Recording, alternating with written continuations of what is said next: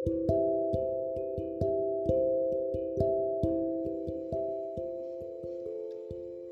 sahabat podcast, kali ini aku Indah akan menceritakan tentang kisah horor. Oke, inilah ceritanya.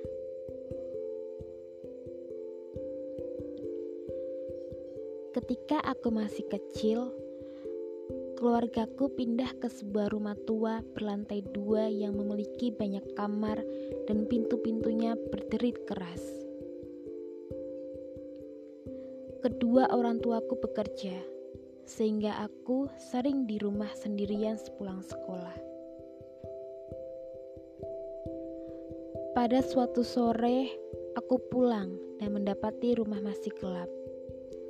Aku memanggil mamaku, "Mama," dan mendengar suara merdunya menjawab, "Ya," dari lantai dua.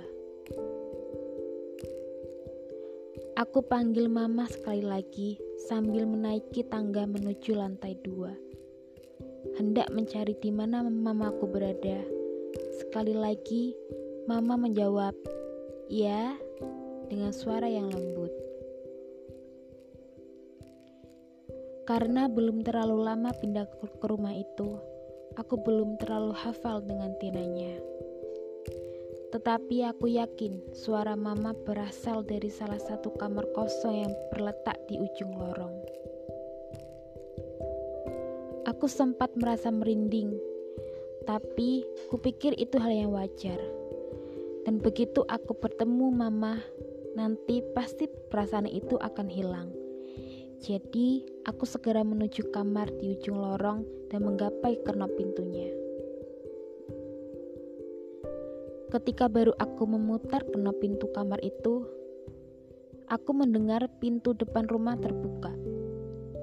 Suara mamaku yang melengking ceria terdengar memanggil dari bawah. Nak, kamu sudah pulang duluan. Spontan aku terperajat melompat mundur dari pintu kamar kosong di depanku dan berlari kabur ingin menyambut mamaku yang ada di bawah. Namun selagi menengok ke belakang untuk terakhir kalinya, aku melihat pintunya terbuka sedikit dengan bunyi derit nyaring. Dan seseorang, tidak, sesuatu memandangiku dari celah pintu tersebut.